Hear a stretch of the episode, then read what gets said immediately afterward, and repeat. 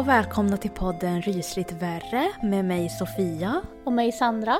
Och det här är podden för dig som precis som oss tycker om att skrämma upp dig själv med det okända från världens alla hörn. Eh, Och första avsnittet kommer ha temat Minnet från de döda. Då kör vi igång!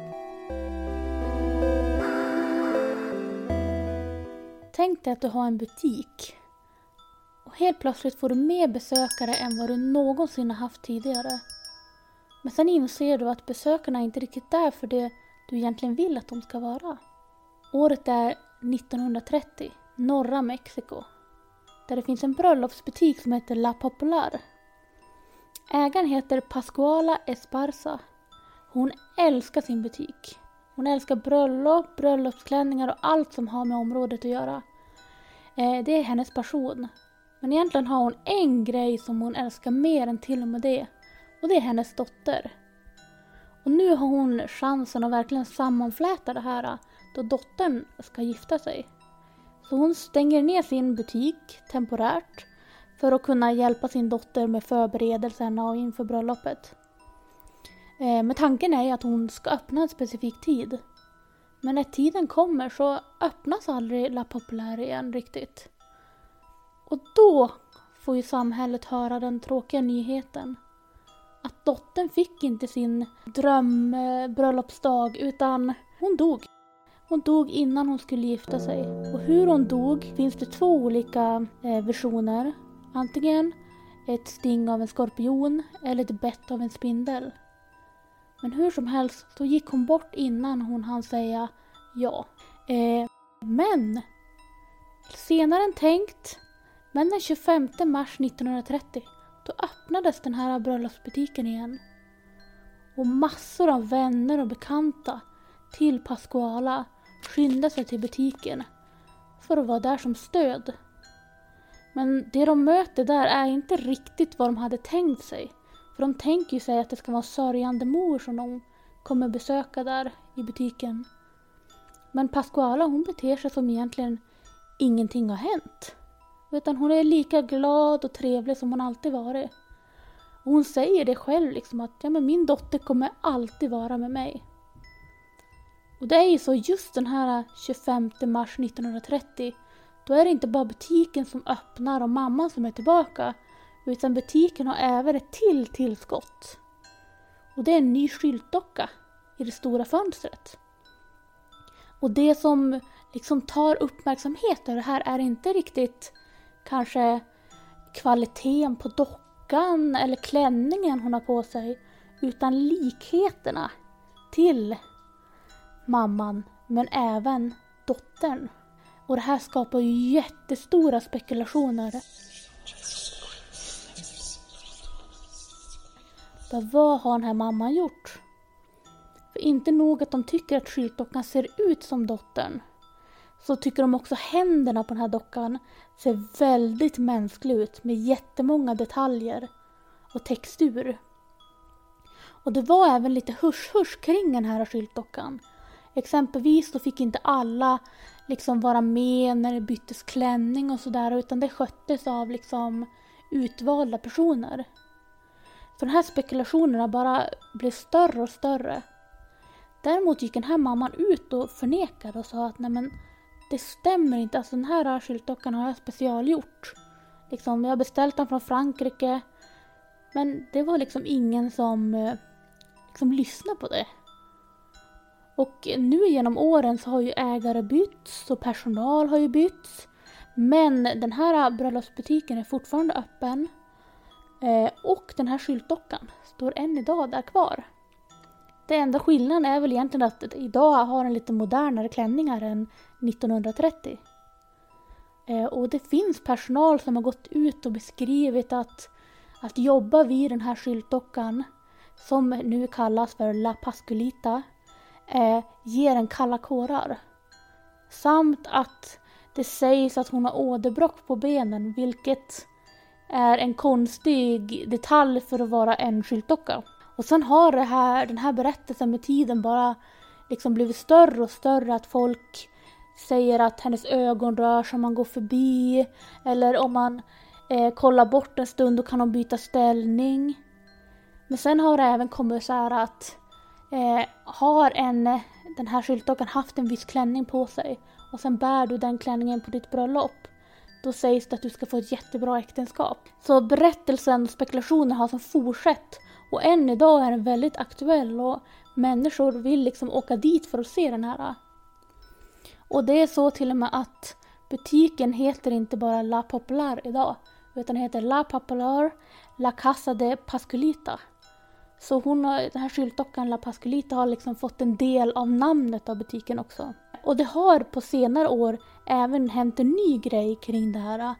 Och det är att La Pasculita lånades ut till en antikshow för några år sedan. Och när hon kom tillbaka sen, då började folk eh, spekulera ännu mer för det var så att hon, hon såg inte riktigt ut som hon gjorde innan hon for. Och här ökade spekulationer ännu mer. Folk fick för sig att ja, men, de kanske insåg att det här var en riktig människa så de bytte ut henne. Eh, eller, men sen finns det ju även de som säger att nej, men, det var en gammal skyltdocka. Hon kanske bara behövde lite retouching och fått en lite ny look. Men spekulationerna finns liksom än idag. Men det har kommit ut experter som säger att nej men, det spekulationerna säger kan inte stämma. Eftersom det skulle liksom inte vetenskapligt vara möjligt. Speciellt på tanke på att den här skyltdockan står i ett skyltfönster hela dagarna i norra Mexiko där det är väldigt varmt. Men trots detta så är det fortfarande jättemånga som tror på den här äh, berättelsen, eller legenden kan man kalla det. Eh, och jag tänkte visa några bilder. De här bilderna kan man ju se om man söker på La Pascolita. Och första bilden, det är ju La Pascolita och en bild på dottern för att se om de är lika eller inte. Jag tycker likheterna finns där då man kollar liksom på ansiktsformen lite grann. Men också typ näspartiet och munnen. Jag, alltså när jag kollar så här spontant bara så tyckte inte jag att, eh, att de var så här jättelik. För jag tycker liksom att La Pasculita, att hon ser lite ut som en typisk äldre skyltdocka. Ja. Alltså stilen hur den var. Men eh, sen var det ju det här med händerna som många fastnade på att de är liksom så mänskliga och sådana detaljer. Ja, jag vet. Det ser, själva texturen runt typ tummen ser väldigt mänskligt ut. Eh, och sen även handflatorna ser typ vadderade ut. Mm, ja, de ser inte som slät ut. Men det jag reagerar också på att Alltså händerna har så mycket detaljer och sådär. Varför? Jag känner att då borde ju typ ansiktet också ha kanske mer textur och liksom om händerna har det. Ja. Jag tänker för händer, hon är ju ingen, vad kan man säga, handmodell. Utan hon är ju liksom till för klänningar. Så då tänker jag att det känns lite konstigt att det är så mycket detaljer som skulle gå in till händerna men inte resten av. Och sen eh, sista bilderna. Det är Först bilden på hur hon såg ut innan hon lånades ut till den här antikshowen. Och sen en bild på hur hon såg ut efteråt. Jag tycker hennes efterbild ser mer kanske ut som henne. Men sen tycker jag också den förebilden, den ser annorlunda ut från den första bilden jag såg. Och då tycker jag nästan att ansiktet ser lite mer mänskligt ut på ett sätt. Mm. För det känns som att hon är inte helt slät på den där första bilden. Mm. men jag tycker att hon kanske är lite mer lik dottern på den andra bilden men jag tycker det mer ser mänskligt ut på den första. Men om du ser de här bilderna, skulle du tänka att det här är samma skyltdocka? Du skulle tänka att det är en annan? Ja. Ja, det är lite... Jag har kollat på dem ganska noga jag börjar fundera för det är väldigt många grejer som är olika så dragmässigt. Vad tycker du om hårfästet? Ja, hårfästet ser ju väldigt annorlunda ut. För hon, på den äldre har hon ju som ett V. Och det ser inte ut som att hon har på den nyare. Så ja, alltså jag har väl gått in med tanken att det här inte stämmer. Mm. Att det, det är liksom inte möjligt, speciellt när experterna säger och sådär. Men det är ju ändå lite Alltså bilderna får ju ändå en att fundera. Och det är just händerna som jag... Då jag hörde om historien tänkte jag rent spontant att det inte är sant. Eh, utan det känns som någonting som man har hypat upp lite grann Mm. eller förstorat. Speciellt om de har bytt namnet på butiken. Ja, man tänker ju vem är det som får vinning av det här? Ja, exakt. Det är ju liksom butiken. Så jag kan ju tänka mig, för de har ju fått jättemycket turism och just den här faktorn att har klänningen varit på den här skyltdockan då får du ett lyckligt äktenskap.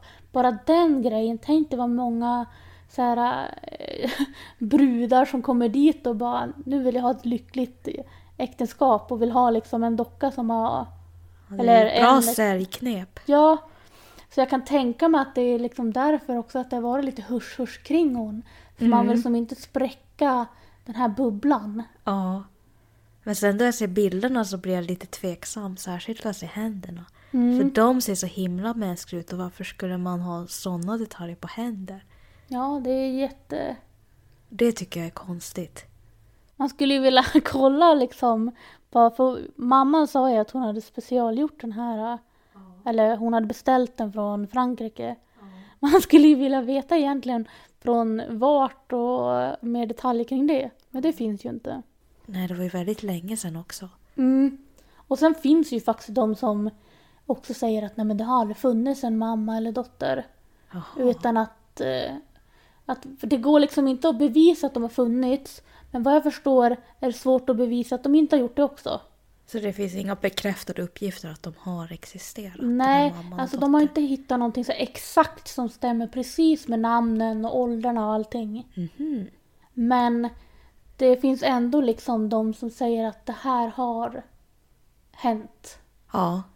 Och den här historien har ju funnits i det här äh, samhället jättelänge. Som från 1930 tills nu. Oj. Så man undrar ju liksom, fanns de eller fanns de inte? Vem skapade i så fall berättelsen? Ja. Och jag vet ju i alla fall att jag hoppas ju att det inte stämmer överhuvudtaget. Även om vi säger, för tänk om det fanns den här mamman. Och sen börjar de här spekulationerna. Vad hemskt man skulle må om, om man som mamma tappar sin dotter. Och sen möts man av sådana här spekulationer. Om man faktiskt inte har gjort det heller. Ja. Så jag hoppas ju att, jag tror inte att, att skyltdockan är det spekulationerna tror. Eh, och jag hoppas att det inte fanns någon mamma och dotter också. Mm. För det känns, det känns hemskt. Alltså det känns, vilket sorgarbete. Ja, eller hur? Så, Men det är fascinerande. ja, men det är en här lite rolig grej. Och som jag sa, det är mycket turism.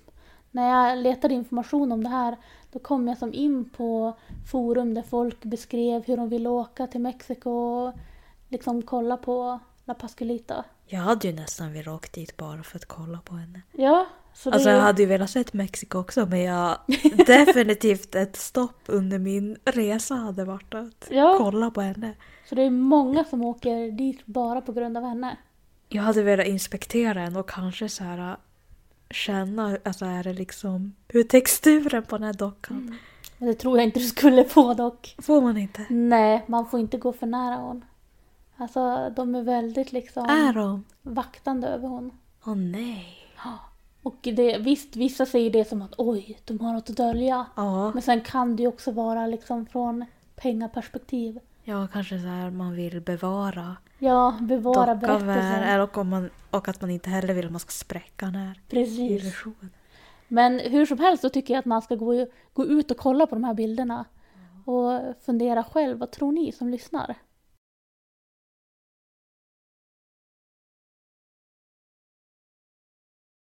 Nu lämnar vi La Pascualita och sen ska du Sofia få fortsätta på temat minnen från de döda. Ja, och jag hade tänkt att prata om minnet om ett tidigare liv. Och det låter ju jättespännande. Ja. Och minnen om ett tidigare liv är inget nytt fenomen och de flesta som har varit runt barn vet att de har en väldigt livlig fantasi. Mm. Men när vet man att det inte enbart är fantasi och faktiskt är ett tidigare minne? Och vad gör man då ens barn gråter efter sin tidigare mamma? Oj, oj! Mm. En eh, amerikansk psykolog vid namnet Jim Tucker säger att man som förälder inte behöver vara orolig ifall ens barn börjar minnas saker från ett tidigare liv. Men att man heller kanske inte bör fråga för mycket om det som ledande frågor. Och inte oroa sitt barn för mycket om de här tidigare minnena.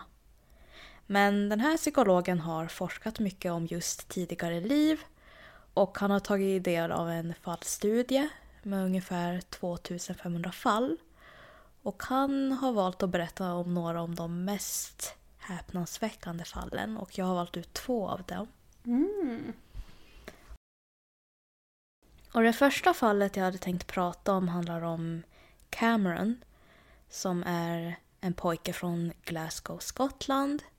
Och då han var cirka sju år gammal så började han berätta om sina tidigare minnen från ett tidigare liv på en ö som ligger ganska avsides vid namn av Barraön och det är också i Skottland. Och den här ön har knappt tusen invånare och varken Cameron eller hans familj har någon koppling till den här ön. Ehm, men den här Cameron började prata allt mer om sitt tidigare liv på den här ön och hur han specifikt bott i en vit bungalow och med havsutsikt. Och han berättar även hur han efter sitt liv föll till sitt nya liv med sin mamma Norma. Mm. Och mamman Norma försökte först vifta bort det här och tänkte att han har bara livlig fantasi. Men berättelserna blev allt mer detaljerade och han började berätta saker om hans tidigare pappas bortgång. Eh, och han visste även namnet på den här pappan som var Shane Roberts. Och han berättade hur han hade gått bort i en bilolycka. Och han eh, slutade inte prata om det här tidigare livet utan han fortsatte bara. Och till slut blev det så pass illa att den här um, Cameron började gråta och saknade sin barramamma. Och, Nej men gud. ja, och då den här uh, mamma Norma försökte trösta honom så ville han bara ha sin tidigare barramamma och inte Norma. Han ville att barramamma skulle komma tillbaka. Men gud vilken skräck som mamma. Vad gör man då? Ja, så den här mamman hon, eh, hon var väldigt förtvivlad och hon visste inte vad hon skulle göra. Så då tog hon kontakt med den här psykologen. Och han, Cameron vägrade sluta om sitt tidigare liv. Och hans mamma Norma kände sig väldigt skeptisk då till en början. Men hon kände sen att besöka den här ön kunde vara den enda lösningen. Um, hon kände att de här kanske världarna skulle på något sätt flätas samman. Mm. Men hon berättar att det inte alls var något lätt beslut och folk hade verkligen svårt att förstå henne. Men vad gör man då ens barn gråter efter en annan mamma? Ja, hon ville väl få något sorts, alltså sorts slut. Ja, exakt. Till slut då tar man väl alla försök man kan. Ja, precis. Så till slut så beslöt sig den här mamman att hon skulle åka till den här ön tillsammans med Cameron och den här psykologen. Och så fort de landar där så berättar Cameron hur glad han är att äntligen få komma tillbaka och han känner sig överlycklig av att vara där. Och då de väl är där så tar de kontakt med lokalhistoriker och de lyckas lokalisera det här stället som Cameron har bott på då tidigare. Mm. Och han säger att han har bott här någon gång på 60-70-talet. Och Camerons beskrivning om det här området och hans tidigare liv och hus ehm, stämmer ganska väl överens med just det här området och det här stället. Så den här lokalhistor- lokalhistorikern blir väldigt, um, men han blir mållös. Oj. Ja. Och de tar även kontakt med släktforskare och de kunde hitta en familj vid namnet Robertson som har bott på det här området. Kunde de koppla till den här pappan som pojken pratade om? Ehm, de kommer i kontakt med en dotter ehm, till den här familjen då. Mm. Och hon ha, det fanns ingen i den här familjen som heter Shane Robertson. Nej. Och de, hon, hade ingen, hon kunde inte se någon koppling till den här bilolyckan. Nej. Men det fanns ganska... Hon tyckte ändå så här... beskrivningen passade in på hur området hade sett ut och de hade ett vitt hus på samma ställe och de hade också havsutsikt. Och ehm, hon visade även fotografier på hur det hade sett ut efter han hade förklarat hur hans tidigare liv hade sett ut och det passade ganska väl överens. Mm. Men det här med pappan kunde ingen riktigt bekräfta. Nej. Ehm, men eh, den här psykologen kände ändå att det kändes som att den här Cameron hade genuina minnen från ett tidigare liv. För han var så himla känslomässig då det kom till det här huset och hur han berättade om det. Han trodde liksom själv på det han sa liksom. Ja. Så det är ju väldigt intressant. Och jag tycker det är ganska intressant att han lyckades, eller att han visste att hans pappa hette Shane Robertson och sen så visade det sig också att det fanns en familj som hade det här samma efternamnet och ett hus som... På den där ön. Ja, exakt. Ja, det är faktiskt fascinerande. Ja. Men eh, jag kan däremot tycka det känns lite undrigt att den här eh, psykologen tyckte att det här kändes som genuina minnen. För det är ju ett ganska stort antagande att ta. Ja, det är det ju. Mm, specie- speciellt för en psykolog då det ändå känns som att det är väldigt forskningsbaserat. Um, och sen så tycker jag också att det kändes lite speciellt att den här mamman valde att åka dit till den här ön. Um, men samtidigt så kunde jag kanske lite förstå hennes förtvivlan. Men det är också ett väldigt stort steg att ta. Och det kändes ju som att de inte åkte dit för semester nödvändigtvis. Utan det var Nej. ju mer för pojkens skull. Ja, gud ja. Så jag kan tänka mig att det ändå blir lite press för det här barnet. Och det är liksom, de åker dit med... Leverera liksom. Ja, Nu exakt. åker vi hit för din skull. Ja, Och just precis. att de åker dit alla tre också, att psykologen följer med. Jag vet. Så... Mm. Så jag, jag har lite svårt att veta om jag tror att det är ett tidigare liv det handlar om eller om det... Men det är ju alltid lätt att vara skeptisk. Man börjar Ja. fundera på olika perspektiv liksom. Är det psykologen som matar på det liksom? Eller mamman som liksom vill ha uppmärksamhet och liksom på något vis eh, formar det pojken säger? Eller är det liksom pojken som bara säger det utifrån att ha hört eller sett något? Eller är det Mm. minnen? Alltså det finns ju ganska många olika perspektiv och Ja, precis. Och Då tänkte jag prata om mitt andra fall som Mm. den här Tucker tog upp. Och det är samma psykolog som... Ja, det är samma psykolog.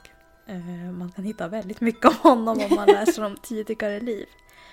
Och då så handlar det om en kille som heter Ryan och han kommer då från Nordamerika, från USA, Oklahoma. Och den här eh, killen, eh, Ryan, har fått för sig att han i sitt tidigare liv var en gammal Hollywood-ikon vid namnet Marty Martin. Om man var gammal då lär jag inte ha koll på honom. Nej. och ehm, eftersom jag tror att de flesta inte har koll på den här Marty Marty så kan jag berätta lite kort om honom. Mm. Han föddes år 1903 och han var aktiv från 20-talet fram till hans död på ungefär mitten av 60-talet. Mhm. Och man kan säga att han levde ut den typiska amerikanska drömmen. Han, hans föräldrar invandrade till USA från Ukraina och han liksom, ja, han hade ju ingen rik uppväxt utan han kom från väldigt ödmjuka förhållanden och sen så lyckades han skapa sig ett namn i industrin. Mm. Och han började då som dansare på Broadway och sen har han medverkat i någon film också. Även om han medverkar i den här filmen så hade han inga repliker eller så.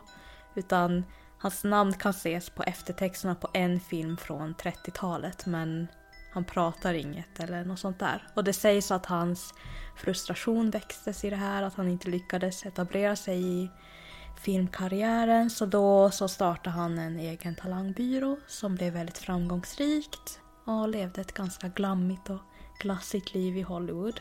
Mm. Tills han eh, 1964 dog av en hjärnblödning medan han var sjuk i leukemi. Och tillbaka till den här Ryan. Ryans föräldrar hävdar att han började få de här minnena från ett tidigare liv då han var runt fyra år gammal. Och det var ungefär år 2008. eh, Då han föddes 2004. Och eh, Ryan hade mycket minnen från 1940-tals Hollywood. Och han hade också minnen av då han gick bort i sitt tidigare liv. Hur han hade gått mot ljuset och han hade ofta en känsla av att hans hjärta exploderade eller kunde ta sig på bröstet över hjärtat för att ja, det kändes som att hans hjärta exploderade och han Mm. tänkte tillbaka. Och sen brukade han också ofta vakna på natten och skrika action. Eller bara skrika det i sömnen. Och han eh, försökte flera gånger övertyga hans mamma att de skulle ta honom till Hollywood så han kunde besöka sin andra familj där borta. Mhm. Mm. Så då kommer vår älskade Dr. Tucker in i bilden.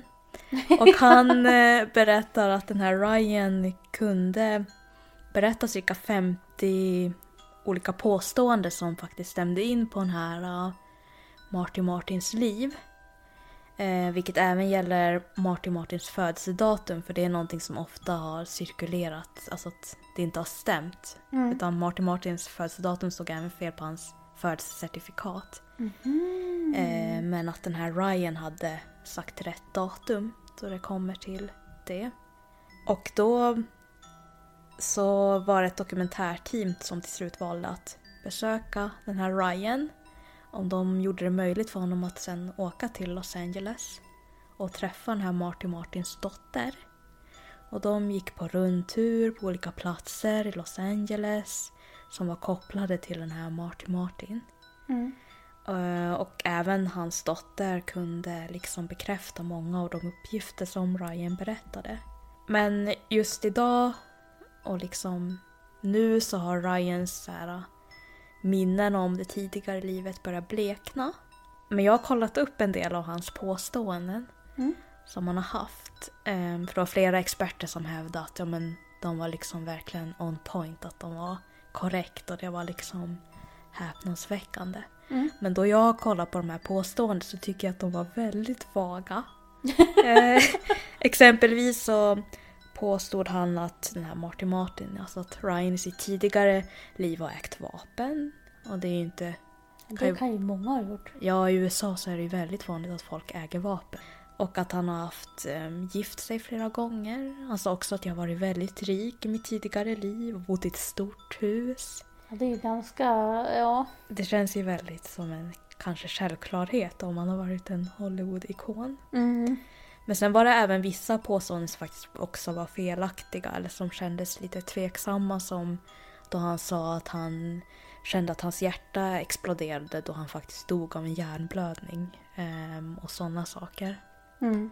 Fast nu vet inte jag hur det känns då man dör och ingen annan för den delen. Nej. Men det känns lite tveksamt.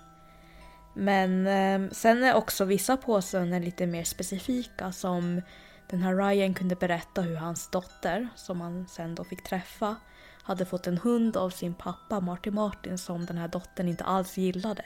Vilket stämde.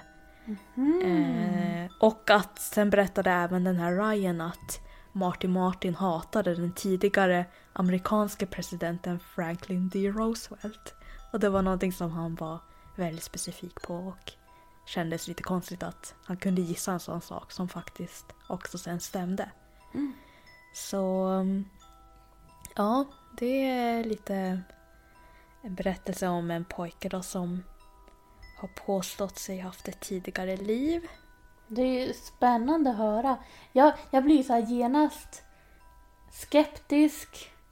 Men ändå finner jag det väldigt intressant. Och just i det här fallet då tänkte jag liksom, alltså finns det någon vinning på om det skulle vara påhitt? Ja, Och just i det här då var det ju att, alltså att då, han var, då var ju, det var ju någon dokumentär. ja, dokumentärteam som kom.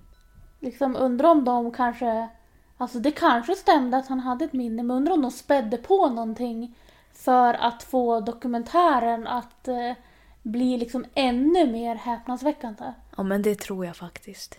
Um, jag tycker det här andra fallet med Ryan, då kändes som att de kanske spelar upp det lite och det kändes också lite så här, ja men de här vaga påståendena Mm. och och att han fick så pass mycket uppmärksamhet att de gjorde en dokumentär om honom. Ja, Det känns ju lite speciellt.